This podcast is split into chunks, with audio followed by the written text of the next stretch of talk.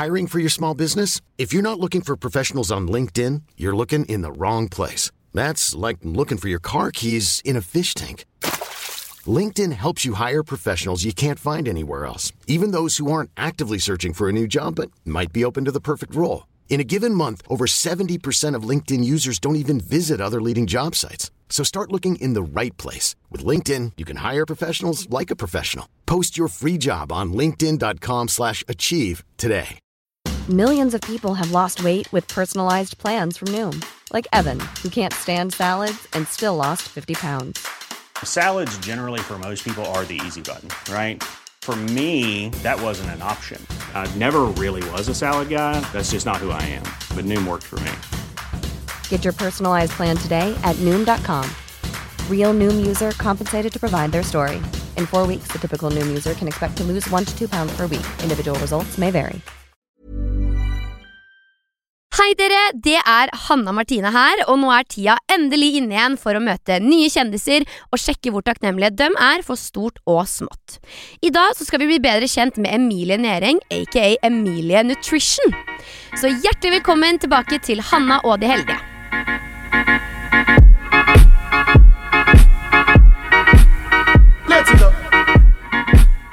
Dagens gjest er en av de første originale bloggerne i gamet, og kanskje den største veteranen blant oss norske influensere.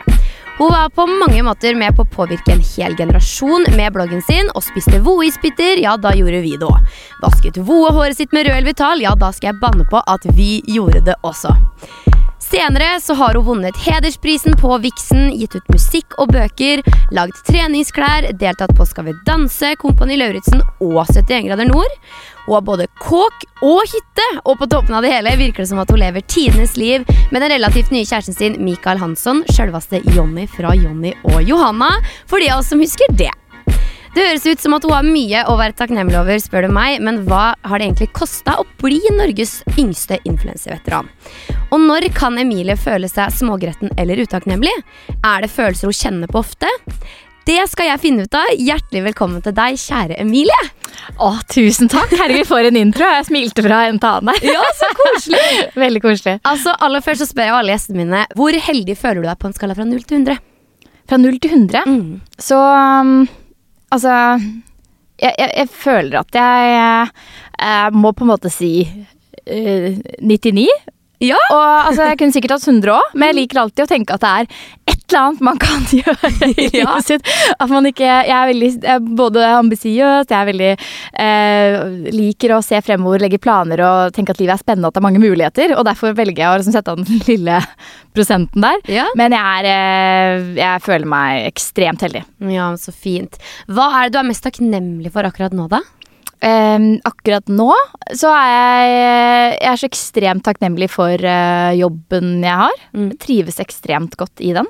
Og kjæresten min uh, gir meg mye lykke. Så det er liksom uh, Og jeg kunne fortsatt og fortsatt. Det er vanskelig å vite akkurat hva man skal trekke frem, men nå om dagen som jeg liksom har kommet tilbake på jobb etter sommerferien, og så kjenner jeg jo på en, ja, en skikkelig takknemlighet overfor at jeg driver med det jeg gjør. Mm. Er takknemlighet viktig for deg i hverdagen? Er det sånn, Reflekterer du mye over hva du har? Jeg vil faktisk si jeg gjør det. Eh, jeg har uh, Jeg har alltid vært sånn som eh, eh, anser meg selv som ganske sånn glad og positiv. Mm. Og så under covid fikk jeg en skikkelig sånn knekk. Jeg syntes det var helt grusomt å være Jeg følte, jeg følte meg sånn innelåst. Eh, og så s- traff jeg nesten ikke noen av vennene mine. Det var ganske sånn røft. Og da begynte jeg å skrive takknemlighetsdagbok. Ja. Så jeg har liksom alltid sett på dette med positiv psykologi og vært opptatt av det. Um, og selv om jeg ikke skriver det sånn takknemlighetsdagbok nå lenger, så føler jeg at jeg i hvert fall en gang om dagen tenker over noe jeg er veldig glad for, eller takknemlig for. Bra! Jeg er veldig, ja, jeg føler det er viktig å gjøre. Og um, snakket senest med typen om det i stad, at det er så viktig å rette fokuset på de uh, Altså i hvert fall de perioder hvor du enten blir veldig opphengt i bekymringer rundt om det er økonomi, eller om bekymringer rundt uh, uh, fremtid, eller hva enn det skulle vært. Så handler det jo litt om hvor man har fokuset sitt. Em, og jeg prøver å jeg prøver liksom å ha fokuset på de riktige tingene. Mm. Jeg hørte noe som jeg syntes var så bra her om dagen. Som var sånn Når, når man er stressa, eksempel, så har man en tendens til å liksom alt skal gå så fort, og man skal klare alt, og man bekymrer seg så mye at man liksom skal jage ting. Men ved å være stressa, så er det ikke sånn at tida går fortere. Det, jeg, altså, jeg syns det bare var så godt sagt, for man kan jo bekymre seg så mye man vil, men ved å på en måte rette fokuset på Ok, jeg har i det minste det her, da. Så er det liksom Da klarer man å kanskje løfte seg sjøl litt ved å flytte fokuset sitt litt. Ja, absolutt. Helt enig. Men du er jo ganske høyt oppe på heldighetsskalaen, oppe på 99 til 100. så du er eh, høyt oppe og piker, og vi må da finne ut av hvordan du kom deg dit. Så la oss ta lytterne tilbake til starten, Emilie. Hvordan så du for deg at eh, livet ditt skulle bli da du var liten? Lille Emilie. Ja. Uh, jeg har alltid vært en som uh, drømte uh, og hatt mye fantasi. Ehm, jeg tror jeg, som alle andre, likte eh, på en måte, eller likte tanken om at jeg skulle bli liksom noe stort eller ha, stå på en scene eller sånne ting. Men jeg husker at da jeg først prøvde det og begynte på ballett og vi skulle ha en liten sånn juleforestilling, så droppa jeg hele greia Nei! og sa at jeg skulle be begravelse. Sånn at jeg skulle, så jeg skulle slippe det. Fant på ting. Og jeg, jeg var ekstremt sånn Skydde veldig det å stå på scene og sånn. Ja. Eh, så da husker jeg at det endret seg til å tenke sånn Ok, i mitt liv så skal jeg bli å, lege, husker jeg tenkte da. Eh, uten at jeg visste hvorfor jeg skulle bli lege, men det var det jeg tenkte jeg skulle gjøre. Eh, så eh, det var også det jeg faktisk tenkte da jeg begynte å blogge. At jeg fortsatt skulle få gode karakterer og bli lege. Um, så det ble Det som var interessant, at jeg hadde jo på en måte aldri noe mål om å bli Norges mest leste blogger, eller mål om å bli popstjerne eller gjøre sånne ting. Uh, jeg, jeg hadde fortsatt tenkt at jeg skulle bruke disse karakterene mine til annet. så jeg klarte ikke å se for meg hvordan eh, livet skulle bli. Men hvordan er det du går fra å eh, ljuge på deg begravelse til, til show, eh, til å plutselig være en som står foran mange, da?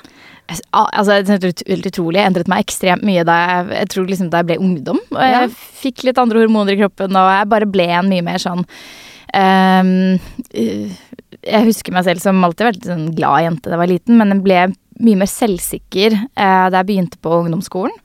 Og fikk meg liksom en god vennegjeng for ordentlig første gang i mitt liv. Ehm, og følte jeg blomstret. Og så begynte jeg, på, begynte jeg å blogge, og jeg fikk lesere. Og jeg merket at det jeg gjorde ehm, At folk likte det jeg drev med. Da. Og det ga meg en trygghet på at jeg kunne liksom litt sånn være den jeg ville. Ehm, og det gjorde at jeg ja, etter hvert turte jo selvfølgelig både å holde liksom foredrag og synes det var kult å sånn stå på en scene og like det.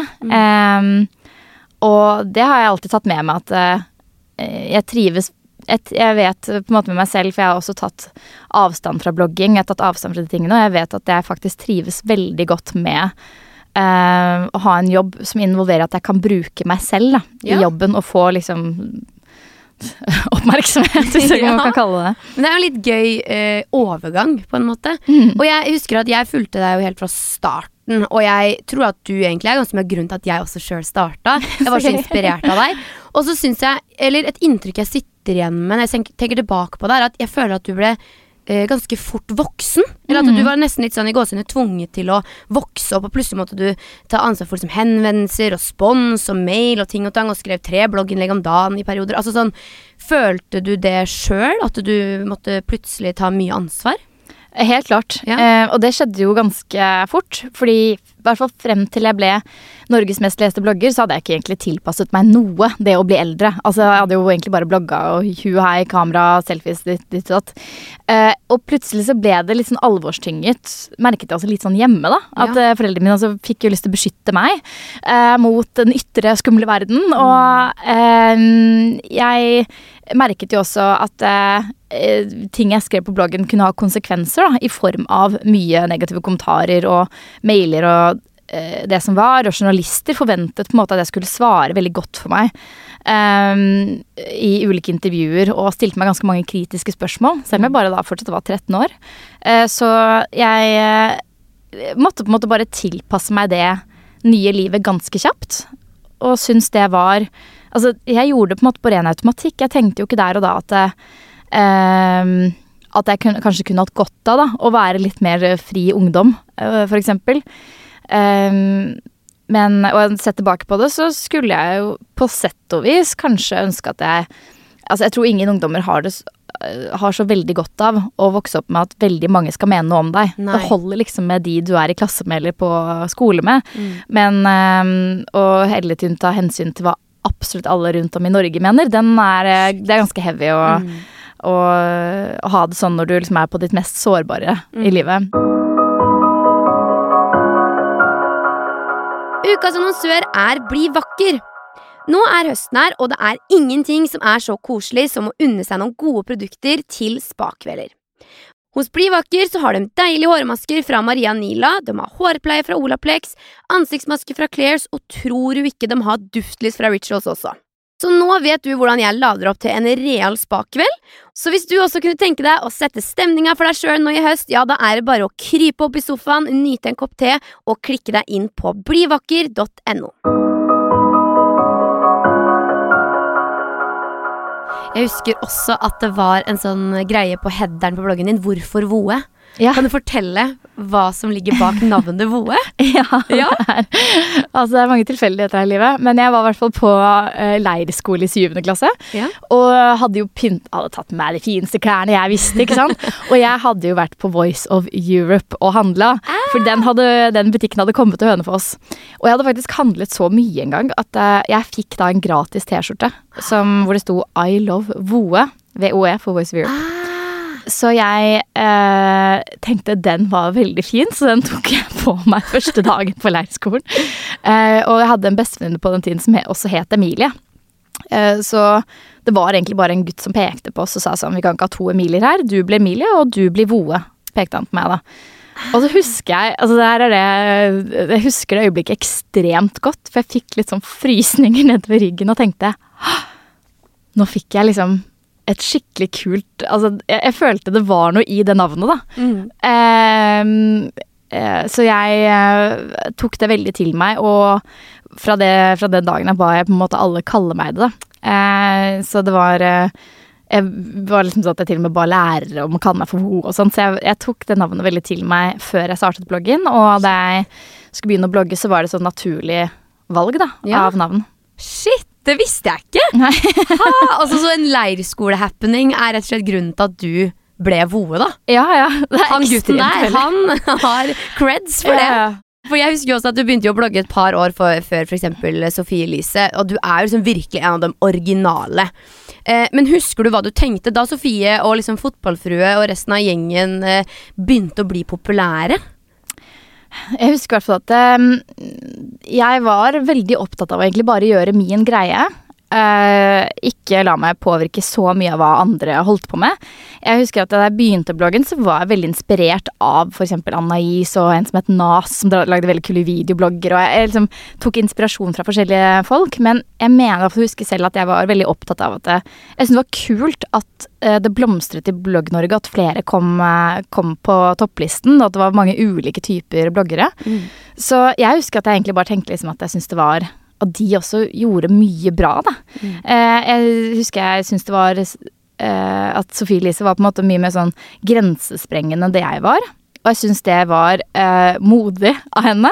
Og med Fotballfrue så husker jeg tenkte at hun hadde så sinnssykt høy kvalitet på bilder. Så jeg husker jeg i hvert fall tenkte at det var en eh, At det var rom for veldig mange, da. Du hadde jo også i løpet av åra eh, et par nedleggelser av bloggen. Og gikk også litt bort fra navnet Vo etter hvert. Hva, mm. hva var det som skjedde i den perioden der? Uh, ja, jeg hadde jo etter Etter jeg hadde blogget i da i hvert fall ett og et halvt år, og jeg hadde veldig, veldig lenge vært Norges mest leste blogger hele tiden. Hadde, ingen hadde på en måte gått over meg på topplisten. Så eh, innebar det at eh, jeg fikk ekstreme mengder eh, hets, og det var ikke enkelt å vokse opp i Hønefoss eh, med dette her heller. Så jeg husker jeg opplevde både at det, det var sjalusi på skolen, det var eh, Jeg kunne aldri gå hjem fra skolen på, uten å på en måte få mange kommentarer slengt etter meg og sånne ting. Og eh, når da eh, og det var egentlig det verste, for jeg husker at jeg klarte å ta en viss avstand fra hva som var i kommentarfeltet, fordi det må jeg jo ikke sjekke. Jeg, jeg sluttet jo å lese kommentarer, i hvert fall siste halve året jeg blogget, så var jeg ikke innom, for jeg visste at det der er det bare så mye drit. Eh, men jeg får ikke gjort noe med de som faktisk eh, kommer bort til meg og er ekle. Uh, og når det skjer i hjemstedet mitt, hvor egentlig jeg skal føle meg trygg, så merket jeg at det ikke var verdt det for meg. Så da jeg var 15, så valgte jeg for første gang da å slutte å blogge, mens jeg egentlig ja, kunne tjent penger og liksom, Det var ikke noe viktig for meg. Eh, og da tok jeg en veldig lengre pause, da, som var veldig bra for meg. Men jeg savnet jo etter hvert, da jeg liksom ble 16 og skulle ha, uansett ha mellom deltidsjobb og sånne ting, så merket jeg at det halve året hadde jeg savnet veldig da, å ha en plattform. Og jeg liker jo den delen av jobben veldig godt med å bare ta bilder og redigere og sånne ting.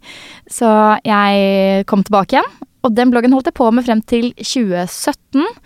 Og da var jeg egentlig bare veldig sånn mett.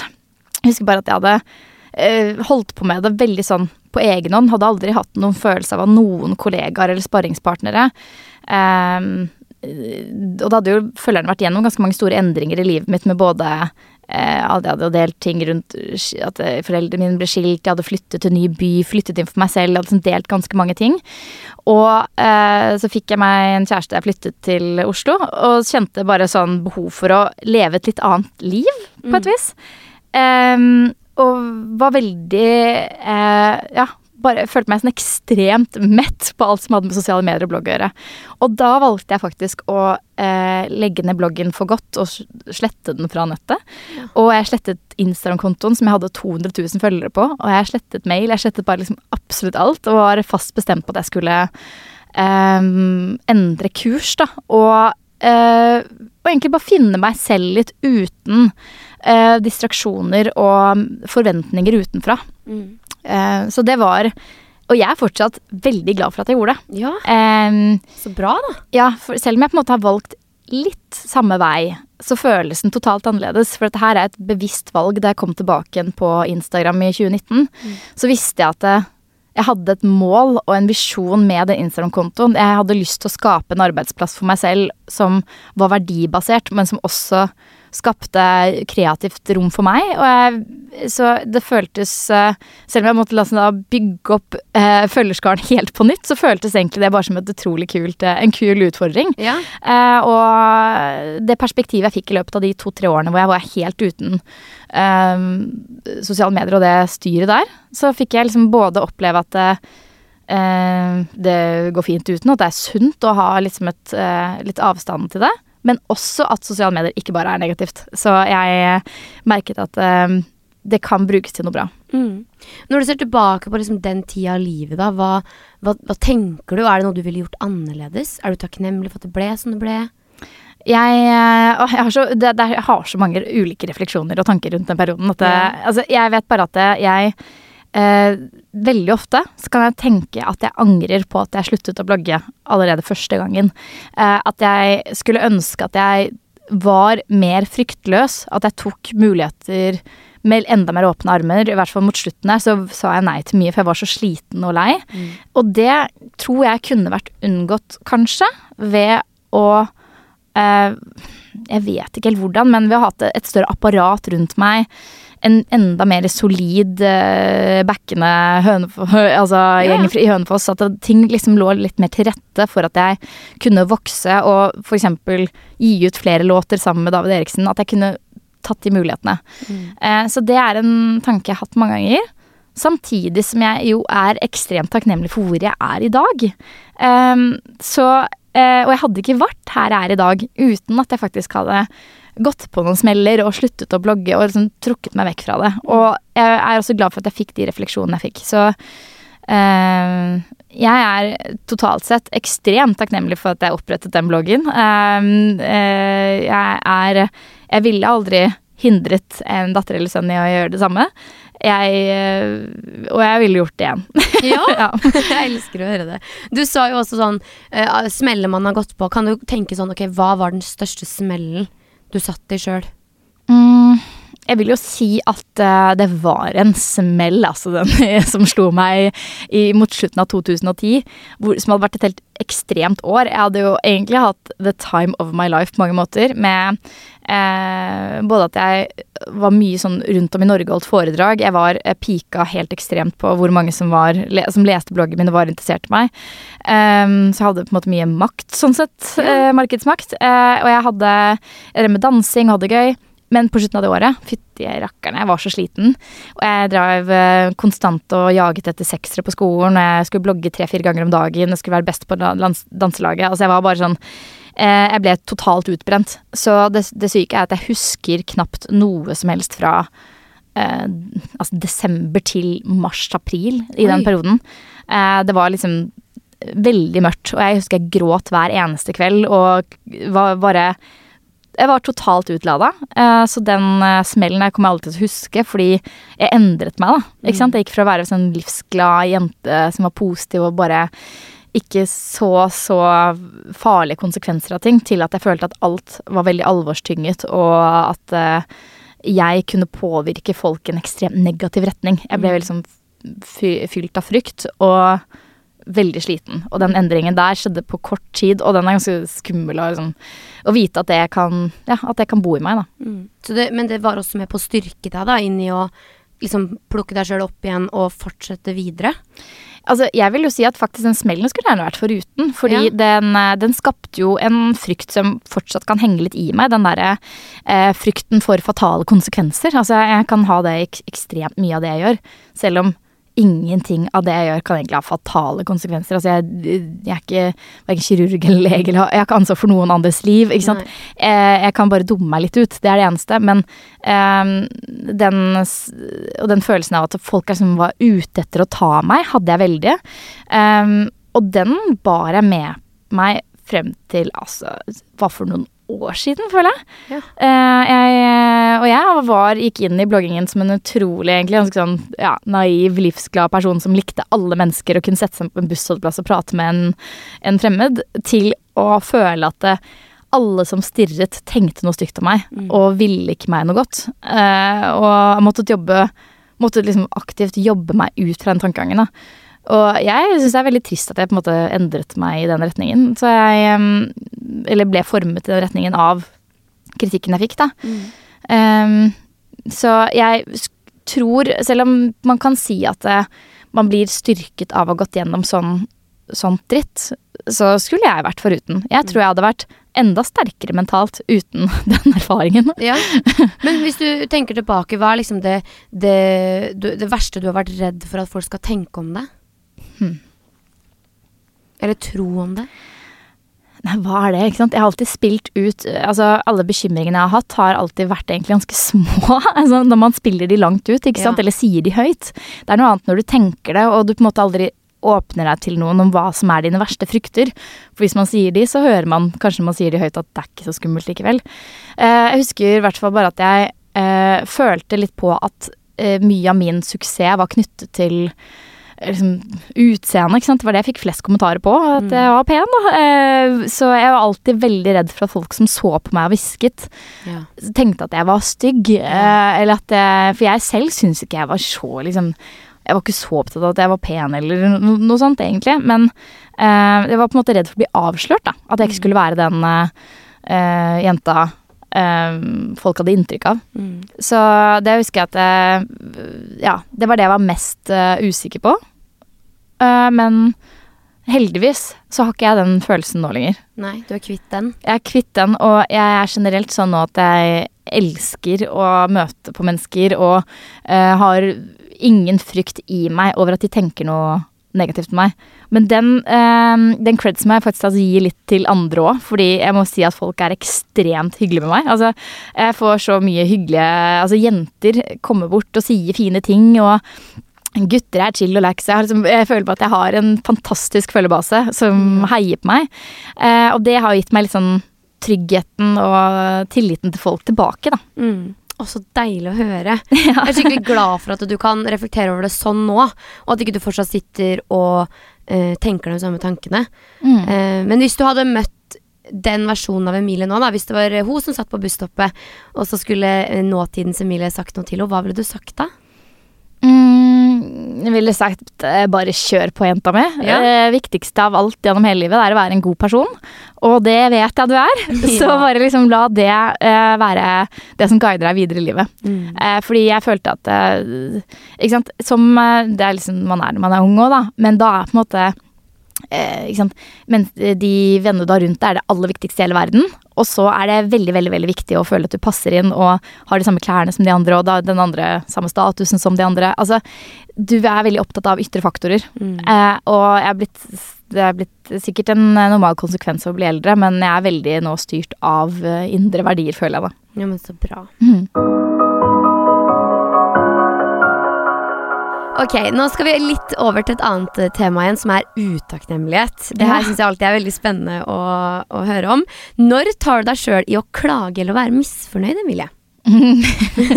altså, været. Herregud. Været? Jeg er ekstremt sånn værsyk, eh, og jeg blir um, eh, jeg, jeg, jeg blir rett og slett litt sånn lei meg og trist av dårlig vær. Um, så jeg kan være liksom Åh, syns det er sånn dritt liksom å gå ut, og så begynner det å regne. Da kan jeg bare Jeg vil helst ikke prate med noen eller se på noen. Og hvis noen, hvis noen ringer meg, da, så er jeg i dårlig humør. Altså, da er jeg ekstremt sånn Selv om livet mitt er jo det samme. Mm. Ingenting har skjedd annet enn at det har begynt å regne. Eneste gangen jeg kan relatere, er når det regner og jeg skal gå tur med hund. Da Ja. er jeg sånn Nei, Det er, det er kjedelig. Og jeg er også hund, så det er jo, ja, da er det jo tre ganger daglig. Da. Ja. Og han må inn i dusjen etterpå og vaskes, og eh, ikke sant? Og plutselig så begynner han å spise et eller annet han ikke skal spise. Altså, da kan jeg begynne å klage og være veldig utakknemlig. Ja. Eh, og jeg kan også begynne å klage, ikke høylytt, men inni meg. Klage over meg selv. I mange situasjoner, og spesielt så er jeg veldig i perioder hvor det er et eller annet visst utseendefokus rundt meg, om det er at jeg skal delta i et TV-program, eller om jeg skal gjøre et portrettintervju av noe slag, og jeg opplever da for meg selv at utseendet er ekstremt viktig, så går jeg mye og tenker på det. Fokuset ligger der. Og jeg kan da fokusere mye mer på alt jeg er misfornøyd med, versus det jeg er fornøyd med, da. Ok, Så da retter du fokuset ditt og liksom går og ser deg sjøl i speilet og tenker å nei, jeg må endre på det? Eller er det mer sånn at du må prøve å akseptere det, eller? Jeg, jeg prøver liksom en kombinasjon av begge deler, og det er litt irriterende, fordi én ting er hvis man kun er sånn løsningsorientert, eh, som jeg stort sett er i livet. Eh, mens med utseende så er det jo ikke alt man kan fikse på, og da er det sånn, da må jeg akseptere. Men jeg syns eksempel eh, å slite med kviser, da, har liksom plagd meg mye. Em, fordi jeg vet ikke helt hva jeg skal gjøre. Og jeg har hatt eh, enkelte kviser som på en måte bare De bare er der i sånn seks-syv uker, ikke sant. Og så har jeg gått på flere kvisekurer uten at det har funket 100 Og da eh, føler jo jeg at eh, å, jeg har prøvd alt, men verden er imot meg. Og? Jeg blir liksom der, da. Ja. Eh, og da prøver jeg å jobbe med aksept. Um, men jeg tror nok for min del så vet jeg at det, eh, spesielt inn mot vinteren så plager hud meg ganske mye. Og da eh, kommer jeg nå til å gå på en ny kvisekur for å bare eh, jeg, jeg har jobbet med aksept så lenge, da. Og nå er det litt sånn ok, la oss gi det et forsøk til. Ja, ja. Jeg kjenner meg veldig igjen i det med, med hud, og liksom blir nesten litt sånn smådesperat. For det er sånn, jeg gjør jo alt jeg kan, hvorfor Ja, ja. Men, eh, men tror du at eh, fordi du har hatt en slags oppvekst med mye dømming og mange øyne på deg, at du har blitt enda mer kritisk mot din egen kropp og fjes sjøl? Helt klart. Ja. uh, og det er et uh, jeg, jeg føler at utseendet spiller en faktor for min suksess. Okay. Og det er altså det, det syns jeg er ekstremt vanskelig å håndtere, egentlig, fordi det er jo variabelt. altså, ikke sant. Du, eh, man kan ha gode og dårlige perioder, og måte man blir eldre og alle de tingene der, og da ender både kviser altså spesielt kviser, opp med å plage meg mye. Um, og uh, jeg tror at jeg har blitt mer uh, Siden jeg har fått så mange negative kommentarer på og positive, for så vidt, på, direkte på utseendet opp gjennom uh, så mange år av mitt liv, så blir det viktigere for meg enn det kanskje er for andre. Og det er en ting som i hvert fall for meg det er knyttet en del følelser til. Ikke sant? Det er ikke helt nøytralt. Det er ikke som på en måte klær du kan du bytte ut og kjøpe en ny eller eh, en- endre klesstil, men utseendet er eh, noe som er mye verre å endre på, som jeg tar mer personlig, da. Alle, alle kommentarene jeg har fått rundt det. eh, og føle et visst ansvar for å opprettholde liksom Bare det at jeg driver med ernæring, da, Ja. gjør at jeg føler at folk vil ha et, eh, en tanke om at jeg må holde meg slank, liksom. Ikke sant? Og at eh, det også er det knyttet til Jeg får jo Det er det eneste på en måte stygge kommentaren jeg noen gang får, er eh, rundt hud, da. Hvis jeg får kviser, så kan folk på en måte skrive at det er fordi jeg nå eh, har drukket alkohol. Skjønner du? ikke sant? Det knytter mine personlige valg eh, opp mot mitt utseende. Eh, og så jeg føler på både på et visst liksom teit, men jeg sier det høyt, men et ansvar for liksom eh, være så pen jeg kan for andre.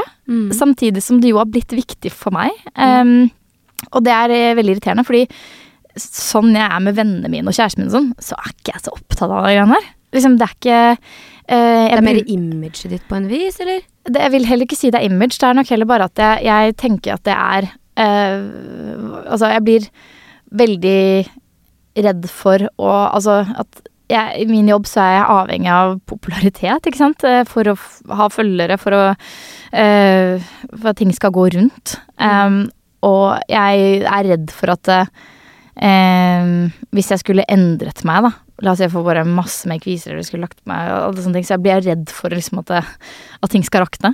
Og jeg vet at det her er en ganske irrasjonell frykt, um, men det er for å være bare brutalt ærlig, da, så er det en av tingene som uh, jeg har prøvd å sånn bearbeide, som plager meg litt, at jeg har fått et sånt utseendefokus um, ved min erfaring som å være blogger. Um, og det plager meg, og jeg tror derfor jeg blir ekstra lei meg når folk viser. Jeg syns det er veldig eh, befriende ærlig, fordi jeg vet at eh, jeg sjøl har følt mye på det, og at det er veldig mange som, som tenker mye på det. Da. Så takk for, at du, takk for at du deler. Takk. Har du noen gang stått i en situasjon eller opplevd noe som du har vært eh, skikkelig utakknemlig for, da? Altså jeg har en tendens til å krisemaksimere, det vet jeg jo. Så sånn der, jeg, har, jeg, jeg er ikke noe eh, Altså, jeg vil jo si at jeg, de gangene jeg kanskje da er utakknemlig, så er det også fordi jeg Men jeg føler likevel at jeg har en grunn til å klage. Ja. Um, hva skal vært uh, situasjonen der nå? Um, nei, bare sånn med hytta mi nå, for eksempel. så jeg var på hytta i helgen, og så, og så ser jeg Fordi Hans har jo regjert uh, veldig sterkt på Hadeland, og Lygna er vel på Hadeland, så vidt jeg forstår. Eh, eller i nærheten. Og da så ser jeg at det begynte å renne en bekk liksom under tomta mi. Oh, ja! Og jeg tenker bare Herregud, nå kommer hytta mi til å forsvinne inn i marka, og det er bare å stå og sette seg. Nei. Og jeg tenkte bare sånn Why me? Hvorfor skjer det meg? Ikke sant? Og jeg, jeg tar alltid en sånn krisemaksimerer for å tenke liksom at nå kommer bare alt til å rase. Eh, og jeg Altså, ja. eh, Da følte jeg liksom Selv om jeg da eh, eh, da, akkurat i det øyeblikket så klarer ikke jeg å være rasjonell nok til å tenke på at det, det er en bitte liten bekk, og det er sannsynligvis et liten ekstraordinært tilfelle, og det har kanskje ikke noe betydning. Jeg vet ikke ennå eh, liksom omfanget av det. Eh, og jeg står i en hytte som jeg har kjøpt. Altså, jeg har all grunn til å være takknemlig i livet mitt, men der og da så bare er det eh, så, så krisemaksimerende totalt, da. Jeg har liksom ikke, ikke innsikten i det. Det bare skjer automatisk. Og så fikk jeg liksom vite i dag at det der er helt normalt, og at eh, vi bare skal legge noen steiner. Og da, det, var liksom, det var null stress. Det er jo litt menneskelig. ja. Det er sånn typisk ting man er sånn wow, og så er det sånn du, det er bare å legge på noen stener, det går bra. Ja, Og da får du roa igjen, eller? ja, da, ja, ja så da fikk jeg roa med en Da gang. er du takknemlig for hytta. Og da har jeg likevel brukt liksom mye tid på å være stressa og bekymra. Uten at jeg vet omfanget. ikke sant? Så prøvde typen å si til meg bare sånn herre Du vet at du selv er din egen fiende. ikke sant? Det er du som på en måte bare bygger dette her opp til å bli større enn det sannsynligvis er, og krisemaksimerer. Så jeg er sånn Ja, men noen må jo ta den bekymringen. Det blir meg. Ja, Så det er, eh, det er bare ett eksempel på mange ganger jeg kan krisemaksimere. Ukas annonsør er TrippelTex. TrippelTex er et regnskapsprogram som kan tilpasses ditt behov, enten du har en bedrift med flere ansatte, eller en med to, sånn som med meg og Lone. Hos TrippelTex så får jeg alt sammen i ett system. Regnskap, faktura, utlegg og hele sulamitten. Og fordi jeg har TrippelTex-appen, så slipper jeg at kvitteringene mine hoper seg opp. Jeg tar bare et bilde av utleggene mine og sender dem rett inn i systemet.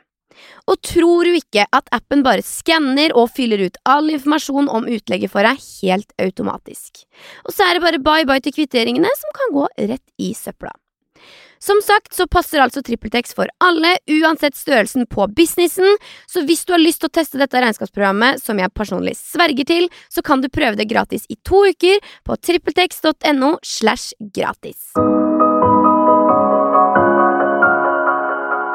Du er eh, takknemlig for jobben og for kjæresten, og jobben den har vi snakka en del om nå, men nå tenker jeg det er kjæresten sin tur. Ja. Fordi jeg har jo, jeg følger deg jo på Instagram, og den sommeren her, altså Emilie, du har gløda og vært overalt. Du har drikket vin, og du har spist digg mat. Jeg føler du bare, Det har vært en helt egen vibe. Uh, og altså, jeg bare lurer på hva har skjedd? Fortell. Ja, eh, hva skjedde i sommer eller i livet generelt? Vi tar kjæreste og sommer. Uh, ja, altså, jeg uh, Jeg har bare funnet min match, da. Ja. På uh, en som er like glad i livet som det er. Like opptatt av å utnytte soldager, være med venner, eh, reise og oppleve livet og eh, jeg har virkelig møtt eh, den perfekte fyren for meg, eh, og han tar meg med på ekstremt mye gøy. Og det er jo ikke måte nei i noen av våres munn, så hvis han foreslår et eller annet, så er det yes, let's go. så den sommeren her så var det bare For jeg hadde vært på Farmen eh, i eh, juni, og kan ikke si hvor lenge jeg var borte, eh, men jeg var jo da sånn, Jeg savnet han helt vanvittig mye. Uh, og vi visste liksom da at uh, den sommeren her skal bli helt sjukt bra. Uh, så vi hadde liksom lagt eh, lagt planer, eh, og jeg var nesten ikke hjemme. Eh, Det var bare var overalt. Eh, og det føles bare ekstremt deilig å ha en som en som vil ta med på sinnssykt mye gøy.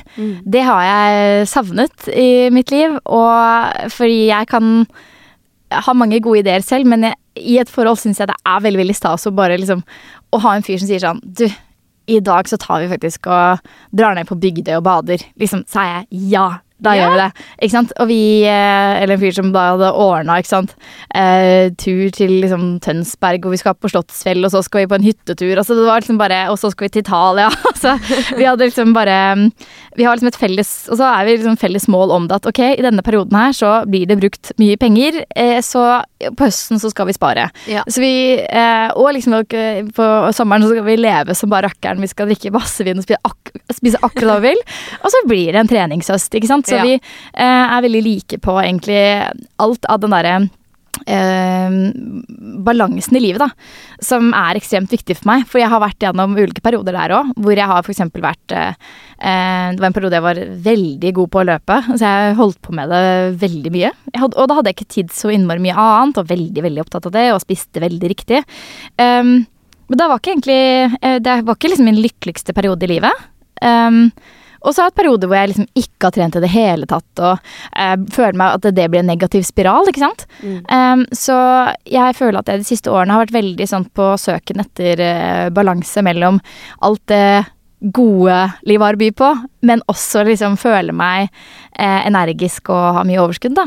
Og føle at jeg det siste året virkelig har funnet det. Liksom en gyllen middelvei, og det føles helt fantastisk. Så deilig. Å, så godt å høre. Men kan du også fortelle oss litt om hvordan dere møttes, da? Ja, Ja? Eh, han eh, eh, leste på VG at jeg var blitt singel. og så eh, har han eh, tydeligvis alltid hatt et veldig sånn, godt øye til meg med de tingene han har sett på at jeg har vært med på. Så han har sett på Kompani Lauritzen det året og eh, tenkt liksom for seg selv ja, faen at hun der er, eh, er tatt. Og så så han det og skrev til gutta sånn nå trenger jeg ikke lete lenger, gutta. Her er kona mi. Nei. Hadde han sendt bilde av den artikkelen, da. Og de var sånn Ja da, ja da, nå snakker du. Lykke liksom. og så hadde han eh, Og så sendte han meg en melding på Instagram som var veldig godt formulert og skrevet og fin og nedpå. Og bare veldig sånn Hadde sånn, både en varme over seg, men også en sånn leken tone som gjorde at jeg fikk lyst til å møte han. da. Eh, så bare en halvtime etter at han hadde eh, lagt ut det her til gutta i den guttegruppa, så, han, så var han sånn Yes, da har vi avtalt date i morgen! så vi dro liksom på eh, Så plukket han meg opp på motorsykkel, og vi kjørte rundt, hadde bare en fantastisk date. Eh, og jeg merket ekstremt fort at det var bare full match. Um, og det, det, var, eh, det, var, så rart å få den følelsen, for jeg hadde jo vært i et ganske langt, uh, langt forhold før det. Uh, og trodde at det, det, både hadde tenkt, innstilt meg selv på at jeg skulle være singel, og eh, ikke noe mål om å møte noen ny kjæreste heller, og trodde kanskje ikke at jeg kunne bli forelska liksom, på en god stund. Um, og så var det bare en sånn eh, Ja, han på bare absolutt alle bokser, alt som er viktig for meg. Og han var en eh, altså, dritkjekk og fin og morsom og da jeg også så at han hadde en sånn veldig sånn fin varme også for uh, vennene sine og for familien sin og meg, da, så smelta jeg totalt. Oh. Så vi ble ganske raskt et par. Så fint. Mm. Og jeg, jeg, føler jo også at uh, mange blir jo mer stille og trekker seg liksom litt tilbake når de har fått seg kjæreste. uh, men jeg har liksom aldri sett deg mer utadvendt, i hvert fall på internett. Kjenner du den i beskrivelsen? Ja, og ja. Det, det, er veldig hyggelig. Jeg blir alltid veldig glad når folk sier det, fordi jeg selv har jo følt på det. At jeg på en måte har uh, Jeg tror at man med riktig partner så kan man bli forsterket. At man kan få forsterket sine gode sider, eller de sidene man vil utforske mer av seg selv. Uh, og jeg føler absolutt at det er det uh, Michael gjør for meg. At han, eh, han vil at jeg skal føle meg fri og selvstendig og være Være litt sånn den, få frem de sprudlende og de fryktløse sidene av meg, da. Mm. Eh, og det kan jeg ha litt problemer med, eh, kanskje som singel, men også i feil forhold. Så blir kanskje de da eh, dempet heller enn forsterket. Eh, så jeg har følt det veldig på meg selv at jeg har fått eh, At jeg bare blitt den versjonen av meg som jeg føler jeg er inni hjertet da, det mm. siste året etter jeg traff han. Og blir jo ekstra glad av å høre vennene mine si det samme. Fordi de har jo kjent meg Jeg har samme vennegjeng som på eh, på videregående, ungdomsskole videregående. Og når de da sier at de ser At de føler at jeg aldri har vært mer meg selv, da, så føler jeg at uh, Ja, jeg blir bare veldig rørt og glad, fordi jeg vet jo at de ser meg for den jeg er. Mm, så han får deg rett og slett til å blomstre? Helt klart. Det virker helt nydelig. Takk. Altså, wow. Men jeg lurer på, Emilie, er du uh, flink til å takke dem rundt deg for at du har dem i, i livet ditt? Ja, altså grunnen til at jeg ler litt nå, er fordi i hvert fall når jeg er full. da er du god. Ja, ja, ja. Nei, men jeg har eh, Jeg har for eksempel eh, Altså, fy søren. Etter jeg kom eh, hjem fra Farmen, da, så var jeg Jeg, jeg føler jeg alltid har vært en takknemlig person som mm. har sagt at eh, vennene mine er viktige for meg. At jeg føler at jeg minner dem litt på det av og til. Men eh, da fikk jeg virkelig oppleve at jeg savnet dem helt vanvittig mye. Um, og da jeg kom hjem derfra, så har jeg i hvert fall minnet dem på titt og ofte at de betyr mye for meg. Ja. Eh, og jeg var ehm, eh, Og jeg har på en måte jeg, jeg, skriver det av og til eh, etter, Hvis vi har hatt liksom en, en, bra helg så, eller en uh, bra middag sammen, bare, så føler jeg at uh, jeg og de andre vennene mine er veldig til å si sånn Vet du hva, jeg må bare si at jeg er så takknemlig for å ha dere i livet ja. mitt, og takk for en fantastisk kveld, og Altså, vi sier sånn til hverandre, da. Så fint. Um, og det var også en gang jeg var da uh, ja, etter Farmen hvor jeg var ute og ble liksom full, da sendte jeg melding til bestekompisen min og bare Takk for at du er den du er. Oh. jeg, jeg, følte bare veldig for å si det. Ja. Så jeg føler at jeg um, husker på det. Men det er viktig med en påminner, fordi um, uh, det, er, lett å ta litt sånn ting for gitt. Det merket jeg jo spesielt på Farmen. ikke sant? Herregud, med når det ble tatt fra, alt av eh, vanlige ting ble tatt fra deg, og bare, bare liksom kaffe og eh, helt sånne simple ting som å vaske håret med sjampo og balsam, bare alt sånt ble tatt fra deg, men også liksom den trygge, stabile vennegjengen da, som mm. alltid, som på en måte alltid er der. Jo. Når den er borte, så merket jeg sånn fy fader, det her tåler jeg dårlig. Og da, det, da var det ekstra viktig for meg å bare ja, vise dem takknemlighet da jeg kom hjem. da.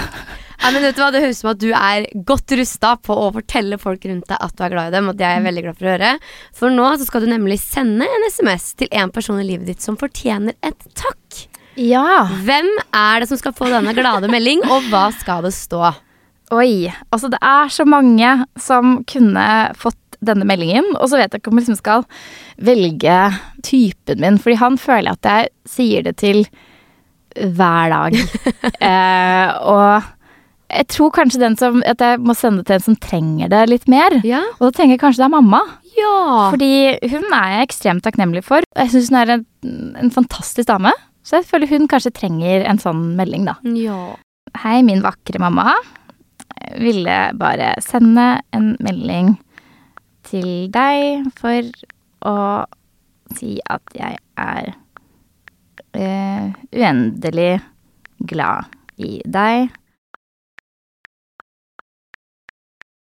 Kan du ta hele meldinga fra toppen? Ja, altså, Hei, min vakre mamma. Ville bare sende en melding til deg for å si at jeg er uendelig glad i deg og takknemlig for all støtte du alltid gir meg. Oh. Og det mener jeg fra bunnen av mitt hjerte. Hun har alltid Hun backer alltid, altså. Ja, hvordan tror du du reagerer på å få en sånn melding? Eh, jeg tror for det første vi lurer på om det er noe galt. Går det bra? ja, går det bra?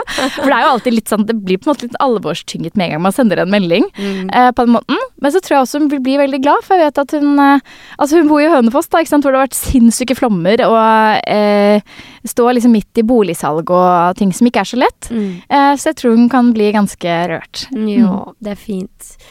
Ok, da er tida inne for å manifestere resten av året ditt. Så når jeg stopper opp, så skal du da fylle inn resten av historien. Oi. Innen 2023 har jeg endelig blitt bedre på å Tolerere vinteren. Og jeg har slutta med Å klage på kviser. Bra! Ja. Jeg har begynt med Søvn. så slite. Starta med søvn. Jeg starter med søvn. Søvnrutiner. Og jeg har kjøpt meg Mindre klær enn jeg gjorde i fjor. Bra. Jeg skal feire at jeg vant. Årets uh, Årets sommer. altså livets sommer. Ja. Og feiringa den foregår. I min uh, herlige Løkka-leilighet. På kontoen står det Masse cash. Men enda mer verdifullt er Eh, alle vennskapene jeg har. Jeg skal fortelle oftere hvor glad jeg er i Vennene mine. og takke mer for. Maten.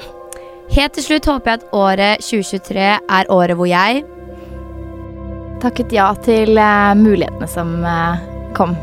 Og kvitte meg med Negative tanker om uh, kropp og utseende. Ja. Deilig. Du starta jo podden med å pike på 99 til 100 på heldighetsskalaen. Men hvis du skal spå igjen, da, slutten av 2023, hvor tipper du at du ligger da?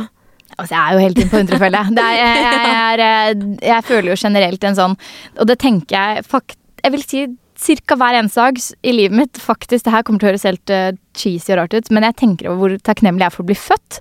Jeg fikk jackpot og ble født i Norge i en trygg og fantastisk familie. Jeg føler bare at utgangspunktet mitt er så ekstremt heldig. Eh, så det er på en måte min, eh, liksom min plikt å utnytte livet til det fulle. Og også være takknemlig over det jeg har. Så jeg er eh, generelt en som føler meg veldig, veldig, veldig, veldig heldig. Eh, og eh, det er nok kanskje det jeg trenger å huske på de gangene, da. Det skal jeg si det er ikke så ofte, men de gangene jeg blir eh, tatt av litt sånn den selvkritiske tanker. Som setter en, en stopper for meg, eller en stopper for lykken min. Da skal jeg være flinkere til å minne meg selv på hvor heldig jeg er. Tusen takk for praten, takknemlige og heldige og søte og blide Emilie. Tusen takk. Takk, takk. Ha det. Ha det.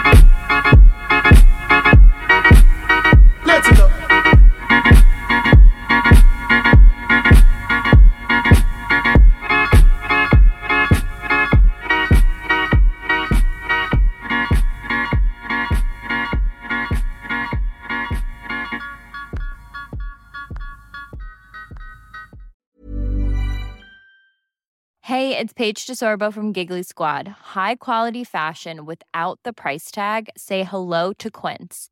I'm snagging high-end essentials like cozy cashmere sweaters, sleek leather jackets, fine jewelry, and so much more. With Quince being 50 to 80% less than similar brands. And they partner with factories that prioritize safe, ethical, and responsible manufacturing. I love that. Luxury quality within reach. Go to quince.com slash style to get free shipping and 365 day returns on your next order. Quince.com slash style.